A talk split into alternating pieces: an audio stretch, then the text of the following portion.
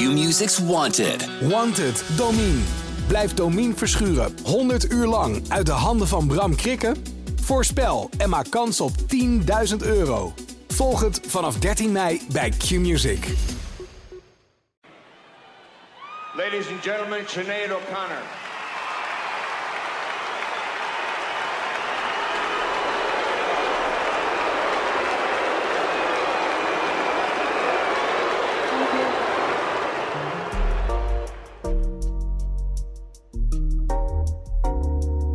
Welkom bij Culturele Bagage, de wekelijkse podcast van de Volkskrant, waarin we je bijpraten over nieuwe series, films, boeken en andere popculturele verschijnselen die het maatschappelijk debat bepalen of jouw blik op de wereld kunnen veranderen.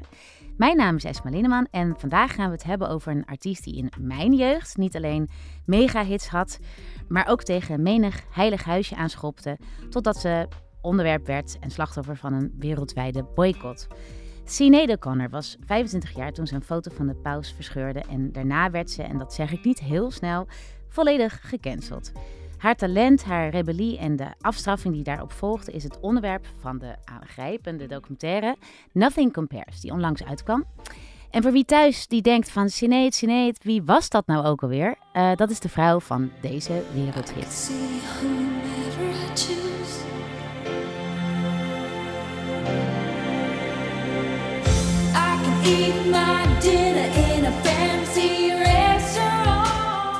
Sinead O'Connor maakt een verpletterende indruk met haar stem en haar onconformistische stijl. Maar toch is zij na 1993 bijna helemaal van het toneel verdwenen. Hoe kwam dat? Wat zat daarachter en wat is haar invloed eigenlijk geweest? Dat bespreek ik vandaag met filmjournalist uh, Floortje Smit, welkom. En met Diewertje Heuvelink, uh, muziekjournalist. Welkom. Dankjewel. Uh, Floortje, ik wil even met jou beginnen, want dit is misschien ook wel een beetje een, een generatie-dingetje. Ja. Ik denk dat jij en ik alle twee jong waren toen Sinead Connor, uh, nou ja, op nummer 1 stond eigenlijk. Uh, vooral met Nothing Compares. Wat is jouw eerste herinnering aan haar en hoe zag, hoe keek jij naar haar? Nou, mijn eerste of mijn sterkste herinnering is eigenlijk de playback show van het carnaval. Ik ben, ben eerste geworden met mijn uh, hartverscheurende vertolking van Nothing Compares to You. Uh, ik had een soort zwarte doek om mijn hoofd gebonden en ik was helemaal in het zwart gekleed en ik zat op het podium. En ik wilde eigenlijk helemaal nooit meedoen, überhaupt, aan die hele playback show. Ik ben daar een beetje ingerommeld, omdat er te weinig kandidaten waren. Dus ze zeiden, doe maar iets.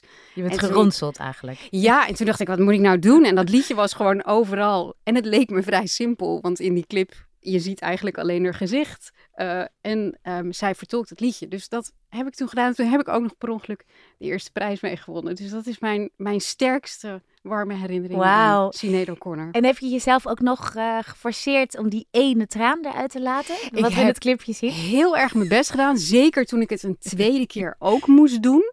Um, omdat ik dus gewonnen had. Oh, en moest dan je nog moest een ik nog een keer. Het was Ja. echt verschrikkelijk. Pijnlijk wilde moment dus, is dat altijd. Ik wilde helemaal op, niet op dat podium. Dus dat was heel wonderlijk. Maar goed, het is me niet, uh, het is me niet gelukt. Nee. Nee, nee. En, en, en waarom koos jij voor dat nummer en hoe keek jij in die tijd naar haar?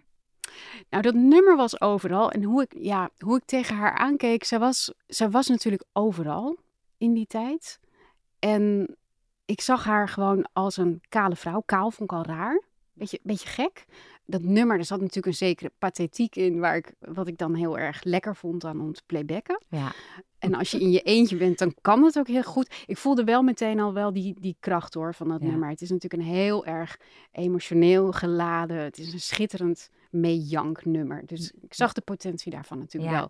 Maar ja. het is niet dat ik... ehm, Nee, ik vond haar gewoon een beetje, beetje gek. Beetje vreemd. Beetje vreemd. Ja, anders. Hey, en jij hebt voor de Volkskrant een stuk geschreven over de documentaire die ik al noemde, eh, Nothing Compares, van regisseur Catherine Ferguson. En die zoomt eigenlijk in op Sinead's leven tussen 1987 en 1993. Ja, die documentaire heeft echt louter uitzinnige recensies gehad. En ik zag hem zelf op het ITVA en heb toen, nou ja, de helft van de tijd eigenlijk met tranen in mijn ogen zitten kijken. Hoe was dat voor jou? Nou, Ik zag hem en ik heb, heb eigenlijk, nou, na een minuut of twintig dacht ik, waarom wist ik niet hoe cool deze vrouw was? Waarom he- heb ik gewoon nooit me gerealiseerd überhaupt hoe fantastisch ze was? En waarom heb ik me eigenlijk nooit gerealiseerd dat ze bij, eh, op het moment dat ze die, die foto van de paus verscheurde, Daar gaan we het later over gaan we het hebben. later maar- over ja, hebben, maar ja. Ehm, dat ze daarna eigenlijk helemaal van het podium is verdwenen. Ik heb, mij daar nooit, ik heb daar nooit vraagtekens bij gezet. En ik ben eigenlijk altijd helemaal meegegaan in dat, dat frame wat om haar heen was. Als een beetje die, die rare, vreemde, kale vrouw. Maar ik heb nooit echt goed gezien wat ze allemaal gedaan heeft. En hoe activistisch ze was. En vooral voor heel veel zaken die ik nu zelf ook heel erg belangrijk vind. Want ik bedoel, jij noemt in jouw stuk ook later iemand als Monica Lewinsky.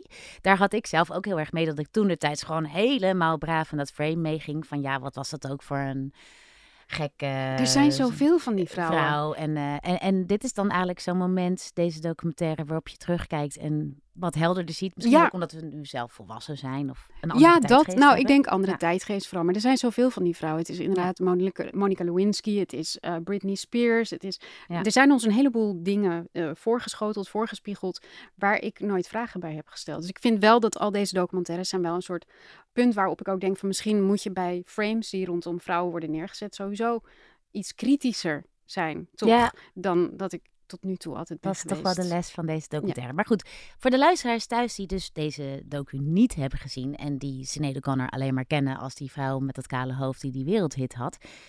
kun je ons een beetje terugnemen naar het Ierland waar zij vandaan kwam... en de jeugd die ze heeft gehad en ook haar eh, eerste stappen richting wereldfaam. Wat voor een vrouw Gewoon is, even in was twee minuutjes. Wil jij dit eventjes, Even eh, gewoon even- de ja. hele biografie van Ehm, Sinead O'Connor. Nou, ze woonde in Ierland in een, in een eh, zwaar katholiek gezin. Het wordt in de documentaire allemaal aangestipt, maar het is allemaal niet helemaal 100% duidelijk. Wat wel duidelijk is, is dat ze mishandeld werd door haar moeder. Ja. Vrij heftig. Eh, er zit één voorbeeld in, in de film, waardoor je eigenlijk nooit meer naar, het op dezelfde manier naar het nummer Troy luistert. Daar hebben ik. we een, eh, een fragment van waarin ze vertelt ja, waar Troy, een grote hit van haar, nou eigenlijk precies over gaat. Over welke ja, vreselijke ervaring die ze met haar moeder heeft gehad.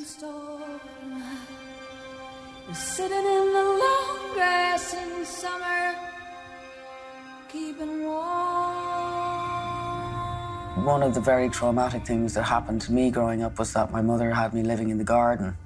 So once when I was eight and a half, I lived in the garden 24 7 for a week or two. I'm talking in that song about that experience, the whole thing of sitting in the long grass in summer trying to keep warm. So I'm out in the garden in the fucking dark, and when it's coming to dusk, and I still hate dusk to this day. I don't mind if it's day or night, but dusk I don't like. And I'd be looking up at the only window at the side of the house where she'd have a light on, and I'd be screaming, begging her to let me in, and she wouldn't let me in. The light would go off, the house go dark. Nou, je hoort hier de oudere Sinead O'Connor eh, praten over haar jeugd en haar moeilijke relatie met haar moeder, die haar dus nou ja, misbruikt, dus zowel seksueel als dus ook fysiek. Wat zij heel erg doet in de documentaire is dat ze dat ook heel erg wijt aan het hele strenge katholieke Ierland waar ze in opgroeide, waardoor haar moeder ook in een soort frame werd gedrukt, waarbij vrouwen altijd dienend moeten zijn, eh, voor de kinderen er moeten zijn. En vrouwen die daar niet mee om kunnen gaan, die komen gewoon ontzettend in de knoop met zichzelf. Dus dat, dat legt, zij legt heel erg die link met dat Ierland waar ze in opgegroeid is, wat nog versterkt werd omdat ze daarna in een soort nonneninstituut terecht kwam Ja. waar ze de puberteit doorbracht. En eigenlijk is, denk ik, haar redding geweest dat zij daar op, de, op die plek is haar stem ontdekt.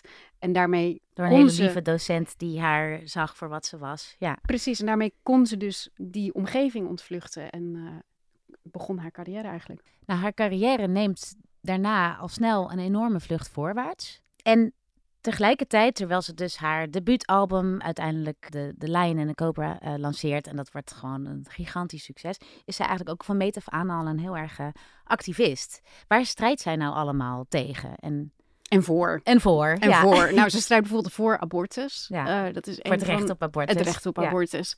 Ze heeft het over de manier waarop vrouwen in de muziekindustrie worden neergezet. Ze heeft het over de manier waarop mensen van kleur geen kansen kregen in die tijd in de, binnen de muziekindustrie. En dus tegen de katholieke kerk. Ze, zeg maar alles.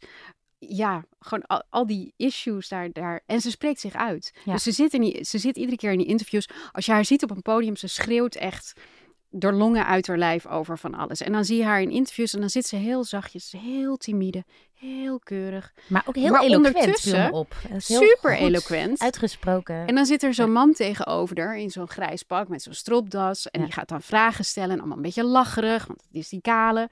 En zij kan dan echt heel erg goed en scherp uitleggen hoe het zit. En je ziet meteen ook bij die interviewers het ongemak van... Ja, Ja. dit is niet helemaal wat ik hier had verwacht. Nee, precies. Hey, en eh, aan tafel zit ook Diewertje Heuvelink. Eh, hoi. Hoi. Eh, nou, jij bent niet zoals wij opgegroeid met Sinead O'Connor. Ehm, maar je kende natuurlijk de, de wereldhit wel, toch? Ja. Ja, precies. Nou, ik heb jou gevraagd ook om naar deze documentaire te kijken. Wat, wat viel jou nou op met de blik van een millennial, als ik mag, zo mag zeggen? nou, ik had mijn millennial bril opgedaan. ja, even Nou, je millennial bril op. Ja. Ik denk dat het voor mij... Ik ben dus niet opgegroeid met de gedachte dat zij een vreemde vrouw was. Ja. Want voor mij was zij één hit Ja. waarvan ik haar kende. Ik wist niet dat zij... En ik wist dat die hit niet door haar zelf geschreven was. Dus ik had niet gedacht dat zij zo... We moeten even zeggen, die hit is van Prince. Prins, ja. Dus ik had niet gedacht dat zij ook zo'n ontzettend muzikaal talent was. Als hoe ze omschreven wordt in de, in de documentaire. Omdat ik er eigenlijk van uitging dat ze gewoon toevallig een goede track had gekregen van Prins. Daarmee succes heeft gehad en daarna niet meer zoveel geluk heeft gehad. Ik Ja. wist niet dat zij de, de foto van de paus had verscheurd en dergelijke. Nee. Dus dat was voor mij, eigenlijk was voor mij alles vrij nieuw. Ik vond haar heel extreem dapper en enorm getraumatiseerd. Alleen, ik vond het lastig om naar de documentaire te kijken en niet te denken, dit is ongeveer het verhaal, misschien buiten het, extreme, eh, de extreme kindermishandeling die zij mee heeft gemaakt.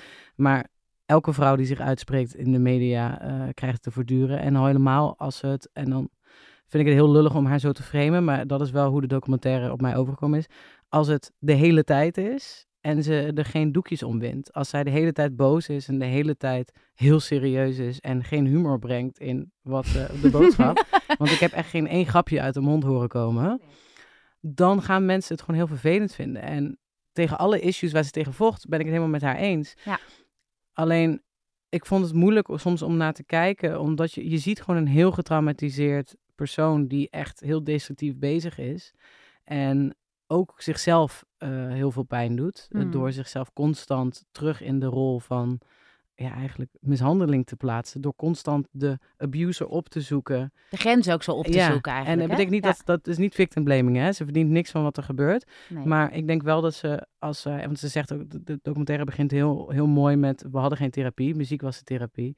En ik denk dat als zij wel de therapie had gekregen die ze verdiende, dat we echt best wel eh, een, een constructievere versie van haar hadden mogen krijgen. En dat ze zelf nu ook wat gezonder en gelukkiger had mogen zijn. Want ik, ik vind het gewoon heel verdrietig om te zien dat iemand die zo strijdt voor het juiste, zo ten onder is gegaan, omdat ze zo onbegrepen was. Ja, ja dat snap eh, ik wel, ja. ja. Dus ik vond het eigenlijk heel verdrietig om te zien. En tegelijkertijd vond ik ook dat, dat de documentaire geen recht deed naar alle vrouwen die haar voor zijn gegaan en alle vrouwen die haar na zijn gegaan. Ja, want ik moet, als ik bijvoorbeeld denk aan eh, kindermishandeling, kindermisbruik. Volgens mij is dat ook het verhaal van Whitney Houston bijvoorbeeld en haar moeder, Sissy. Ja. En nou ja, daar zijn ook eh, tranentrekkende documentaires over gemaakt. Over, over vrouwen voor haar, die eigenlijk ook niet mochten Tina zijn Turner, wie ze Dolly waren. Parton. Ja, Ja, absoluut. Je kan ja. ze allemaal noemen. En het, is, Ja. het zijn, sommige zijn activistischer dan andere.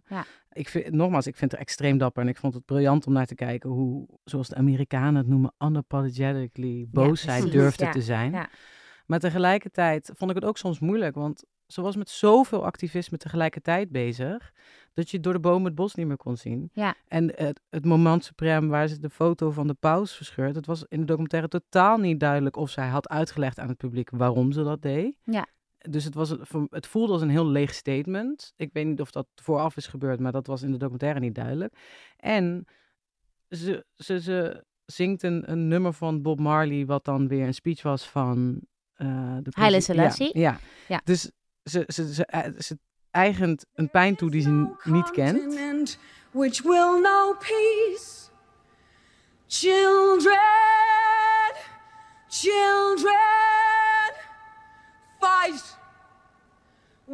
find it necessary. We know we will win. We have confidence in the victory of good over evil.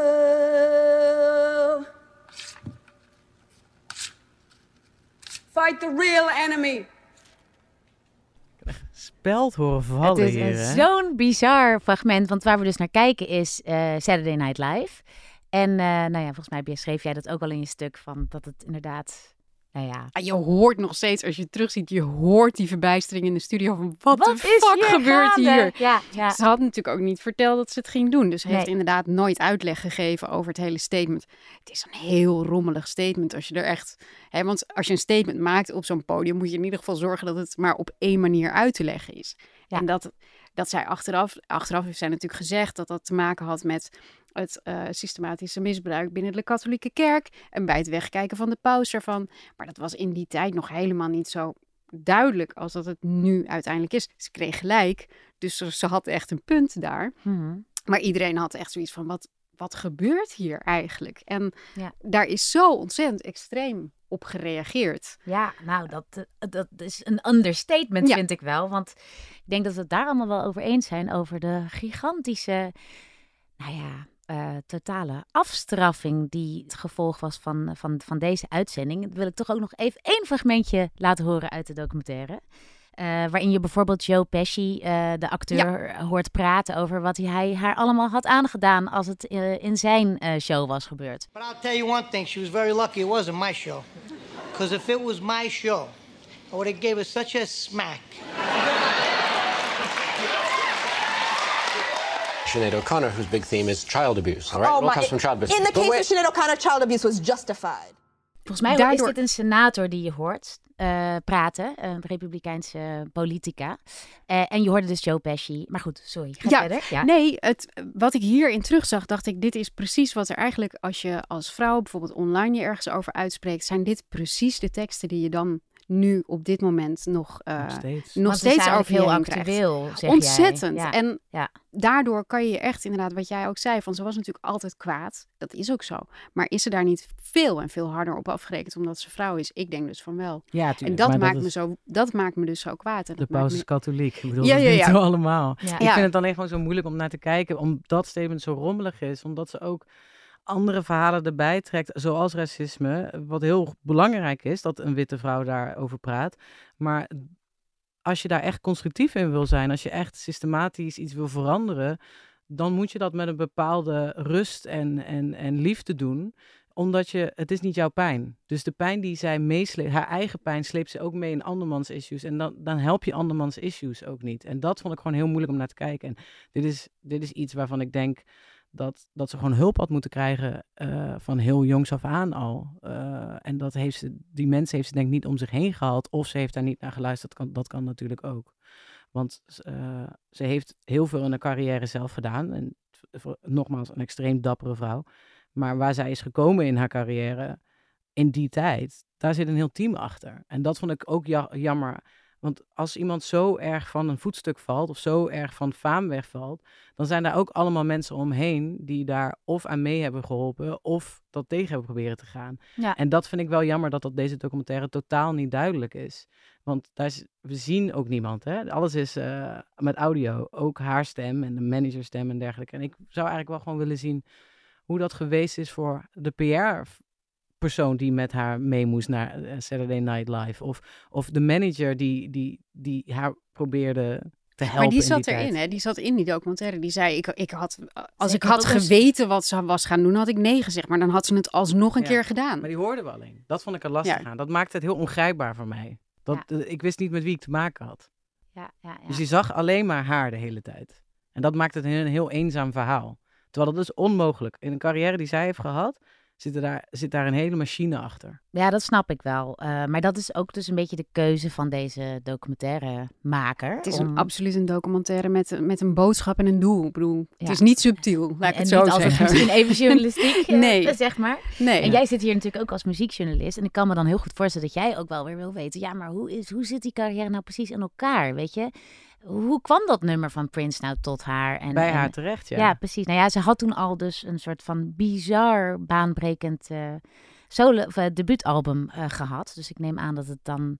Maar hoe dat dan precies loopt... Als 21-jarige Ja, hoogzwanger. Ik vind, dat, ik vind dat Ja. eigenlijk nog het meest Nou ja. indrukwekkende van Ja, alles wat ik gehoord zei jij van eigenlijk, wat, wat vond jij nou zo indrukwekkend aan, aan, aan die begindagen van haar? Nou, dat je, kijk, eh, ik was niet verbaasd, en dat is heel verdrietig, maar ik was niet verbaasd dat een platenlabel eh, zegt: We hebben hier genoeg geld in ge- gestopt, eh, doe maar een abortus. We gaan niet een 20-jarige vrouw een kind laten nemen. Dat is niet goed voor je carrière. Ja. Daar was ik niet verbaasd over. Dus het feit dat zij daar zoveel scheid aan heeft gehad, wel een kind heeft genomen en een fantastisch album heeft gemaakt, wat heel, een heel authentiek album was en heel eerlijk was, dus zo kwam het over, dat, dat vond ik eigenlijk het meest indrukwekkende van alles. Ja. Maar dat vind ik van een Kate Bush ook, alleen minus het kind op zo'n moment. Ja, ja. Zou het misschien ook kunnen komen dat die, die, ja, die ongelofelijke pijn die in haar zat, dat dat haar op een bepaalde manier, dat het haar ook onmogelijk heeft gemaakt om echt die wereldartiest te blijven, zeg maar. Nou, het was niet haar intentie, het was nee, niet haar ambitie. ze wilde volgens mij helemaal niet eens per se een ster zijn. Of ehm, misschien was zelfs muziek niet het allerbelangrijkste voor haar. Het was... Nou Ja, het interessante is natuurlijk dat, dat zij niet echt een ster wilde zijn. En ze was volstrekt onvoorspelbaar en ja, gewoon een loose cannon.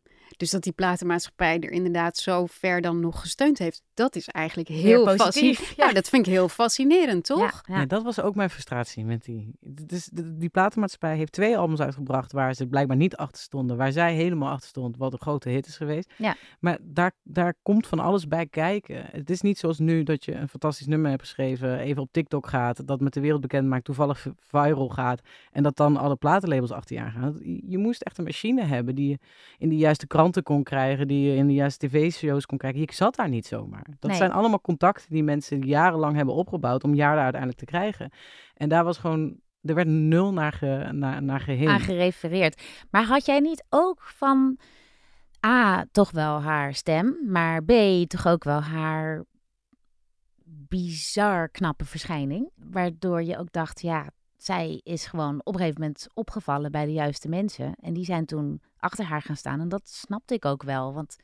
Nou ja, over een soort charisma-kanon gesproken. Maar dat, Hmm. dat viel mij zo op aan deze documentaire. Zo, Ja, ik mis, ik ja. mis gewoon dit soort vrouwen in de muziekindustrie. ja, dat- ik bedoel, dat snap ik. Dat heb je bijna niet meer. Nee. Alles is hyperseksueel. En zij was natuurlijk in zekere zin ook seksueel, want ze was inderdaad prachtig. Ja. En het was juist dat spelen met gender wat haar interessant maakte. genderbenderige, ja. ja. Maar, maar het, het, het eigenzinnige en het autonome wat zij had, of hoe zij in ieder geval overkwam, dat, dat heb je gewoon bijna niet meer. En dat, die risico's, die neemt de, plaat, de platenindustrie gewoon nauwelijks nog. En dat is gewoon heel jammer, want daardoor krijg je eenzelfde soort.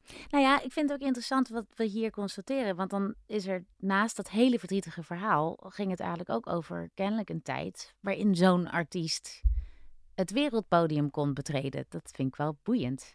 Want jij zegt, Diewertje, dat dat nu eigenlijk veel moeilijker is. Als je zo'n zo- soort contrarian bent zoals zij... of zo onconventioneel en zo ja, wars van, eh, van regels en eh, ja, onvoorspelbaar. Billie Eilish is daar misschien het dichtstbijzijnde en die is nog steeds zo behapbaar. Ja. dat- zou jij het vervelend vinden als je dochter naar Billie Eilish zou luisteren? Nee hoor. Nee, precies.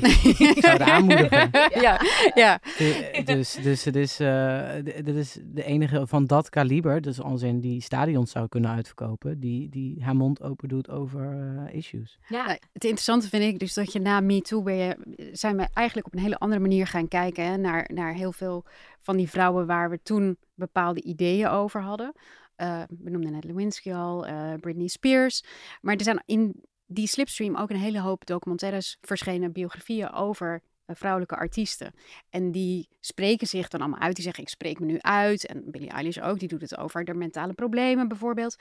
Maar altijd zie je nog steeds, in elk, in elk van die documentaires is de rode lijn, dat hokje waar ze ingeperst worden. Ja. Dat bakje dat ze aan moeten, dat ze toch slank moeten zijn. Dus dat is helemaal niet veranderd. En het blijft nog steeds heel erg moeilijk om daar tegen in te gaan. En dat vond ik wel, de manier waarop zij is neergezet in deze documentaire, is dat je toch op het moment dat je daar denk ik echt kei en keihard tegen ingaat, dat je daar gewoon nog steeds kei en keihard op wordt afgerekend.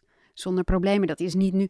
Iedereen zegt nu van we hadden, er, we hadden het dan beter moeten doen. We hadden het beter moeten zien met Sinead. En ik denk dat we het nu nog steeds niet beter zouden zien, eerlijk gezegd. Ja, en we hadden het net over Billie Eilish als een soort cineet van nu. In de zin dat ze in ieder geval eh, de conventionele ideeën over vrouwelijkheid eh, iets tegenover zet. Wie, wie zou jij nog meer, wie vind jij nu, wie zijn de rebellen van nu eigenlijk? Nou, ik vind nu... Ik vind, Man of vrouw? Nou, ik vind nu een Megan Thee Stallion een, een heel verdrietig moment... waar we denk ik eh, over tien jaar een documentaire over gaan zien. Omdat... eh, Want wie is even voor de luisteraars thuis? Megan Thee Stallion is een van de meest succesvolle rappers eh, van dit moment. En zij is twee jaar geleden in haar voet geschoten door een andere rapper. Ja, Tijdens een, een, een, ja, een privéomstandigheden. En die rechtszaak is nu gaande. De andere rapper Tory Lanez heeft, is schuldig verklaard, gelukkig. Alleen wordt zij eh, neergezet als een aansteller en eh, wordt zij totaal niet serieus genomen in dus de mishandeling die zij heeft ondergaan. En eh, heeft een van de grootste artiesten, Drake, in zijn laatste album nog een grapje gemaakt ten koste van haar leed. En hij is zelfs een leugenaar genoemd. Ja, ja. Ehm, dus het is, het is, ja, ik zou, het is, het is om cynisch te worden. Waarom zou je in godsnaam nog de muziekindustrie ingaan als vrouw? ja, Want je wordt gewoon, zelfs als je dus het hele spelletje meespeelt, rapt zo goed als een man, als dan niet beter. Want Megan Thee Stallion is een extreem goede rapper.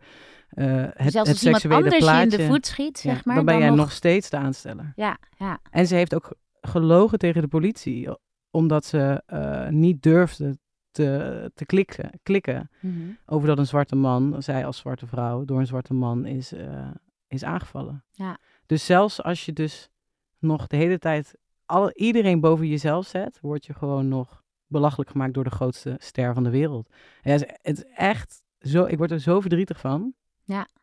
Ja, nou, ik heb er ook even helemaal geen woorden voor. Verschrikkelijk.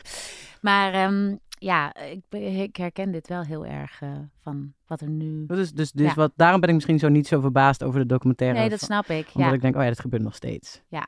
Eh, maar ik vind het extreem dapper en ik vond het heel mooi om naar te kijken. Ik vind het gewoon altijd mooi om te zien dat iemand zo ontzettend boos durft te zijn. Want het is natuurlijk ook om gek van te worden wat er allemaal gebeurt. En Ja. het is een, hoe zij reageert is eigenlijk de meest gezonde manier om te reageren op al het leed. Ja, om gewoon te, te schreeuwen eigenlijk. Hè? Alleen Dat- is het constructief, ja. is Ja. weer een andere vraag. Ja, dat snap ik, ja. De film of de documentaire eindigt optimistisch. Eh, we zien dat eh, Ierland ontzettend is veranderd. eh homohuwelijk is ingevoerd, recht op abortus. We hebben Billie Eilish. Ehm, maar ik bleef toch een beetje met een steen in mijn maag achter. Want met Sinead O'Connor zelf gaat het eigenlijk volgens mij helemaal niet goed. En is, heeft, heeft dit haar toch volgens mij ook wel heel erg getekend. Deze ehm, die periode van dreigbrieven, totale haat en afschuw die volgde na het verscheuren van de poster van de paus. Hoe kijk jij ernaar? Als de hele wereld zich tegen je keert. Als je 5, 26 bent. Ja. Ik kan me niet eens voorstellen hoe het is. Ik kan me niet eens voorstellen hoe het is om op een Ik vind het podium al heel te staan. vreselijk en dat- als ik iemand op Twitter zegt dat ik mijn mond moet houden. Weet Precies. je, kun je nagaan. Ja, ik ben niet zo dapper. Ja, maar Ja. misschien is dat ook wel nog wel meer de reden dat je je ook kan voorstellen hoe het is. Ja. Omdat het in deze mate natuurlijk online best wel eh, plaatsvindt als, Ja. je, als je vrouw bent online. Dus ik, ik denk dat ik het misschien twintig jaar geleden helemaal niet kon voorstellen hoe het is om op een podium te staan terwijl er een massa staat van nou, hoeveel mensen waren er Madison Square Garden? Ja, dat boelgeroep. Dat boegeroep, dat gaat door merg en been. En Ja. dat je daar staat en dat je gewoon niks kan doen. Je kan niet weglopen, je Het kan is niet... twee weken na het verscheuren van die poster. En ze treedt op op een tribute to Bob Dylan, Bob nota Dylan. bene. De Ja. protestzanger van alle protestzangers. Je zou zeggen, Zou je dat zeggen? is een publiek wat Ja. enigszins Eh, begrip heeft Ja, voor en je hoort protest. alleen maar één Ja. grote massale boe. Dat Nou, is... je hoort ook geklap. Ja, dat is waar. Het is Het eigenlijk een heel er- gek ja. geluid van boe en gejuich door elkaar. En het houdt niet op.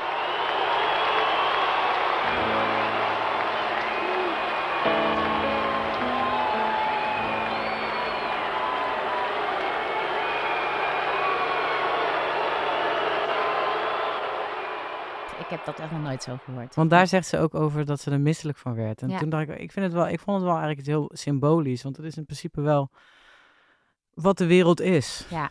Vooral als je zo uitgesproken als haar bent. Ze aanbidden je en ze Ja. haten je eigenlijk eh, tegelijkertijd. En je moet van hele goede huizen komen om daartegen bestand te zijn. Ja, en da- en- Ja. en- ja, je moet gewoon heel stabiel zijn. En als je, als je gewoon al heel erg worstelt met alles wat je hebt meegemaakt, Ja. Dan is het gewoon best wel moeilijk om eh, op zo'n podium te staan. Het is Ja. sowieso al hartstikke moeilijk. Nou, Nothing Compares eh, vind ik eigenlijk ook wel echt gelden voor Sinead Kanner. De documentaire is te zien op NPO Start. Dankjewel uh, Floortje en Diewertje voor jullie komst naar de studio. Dit was Culturele Bagage. Montage en redactie worden gedaan door Sophia Robben. Eindredactie door Corine van Duin. En wil je de Volkskrant nou steunen? Ga dan voor een abonnement naar www.volkskrant.nl slash podcastactie.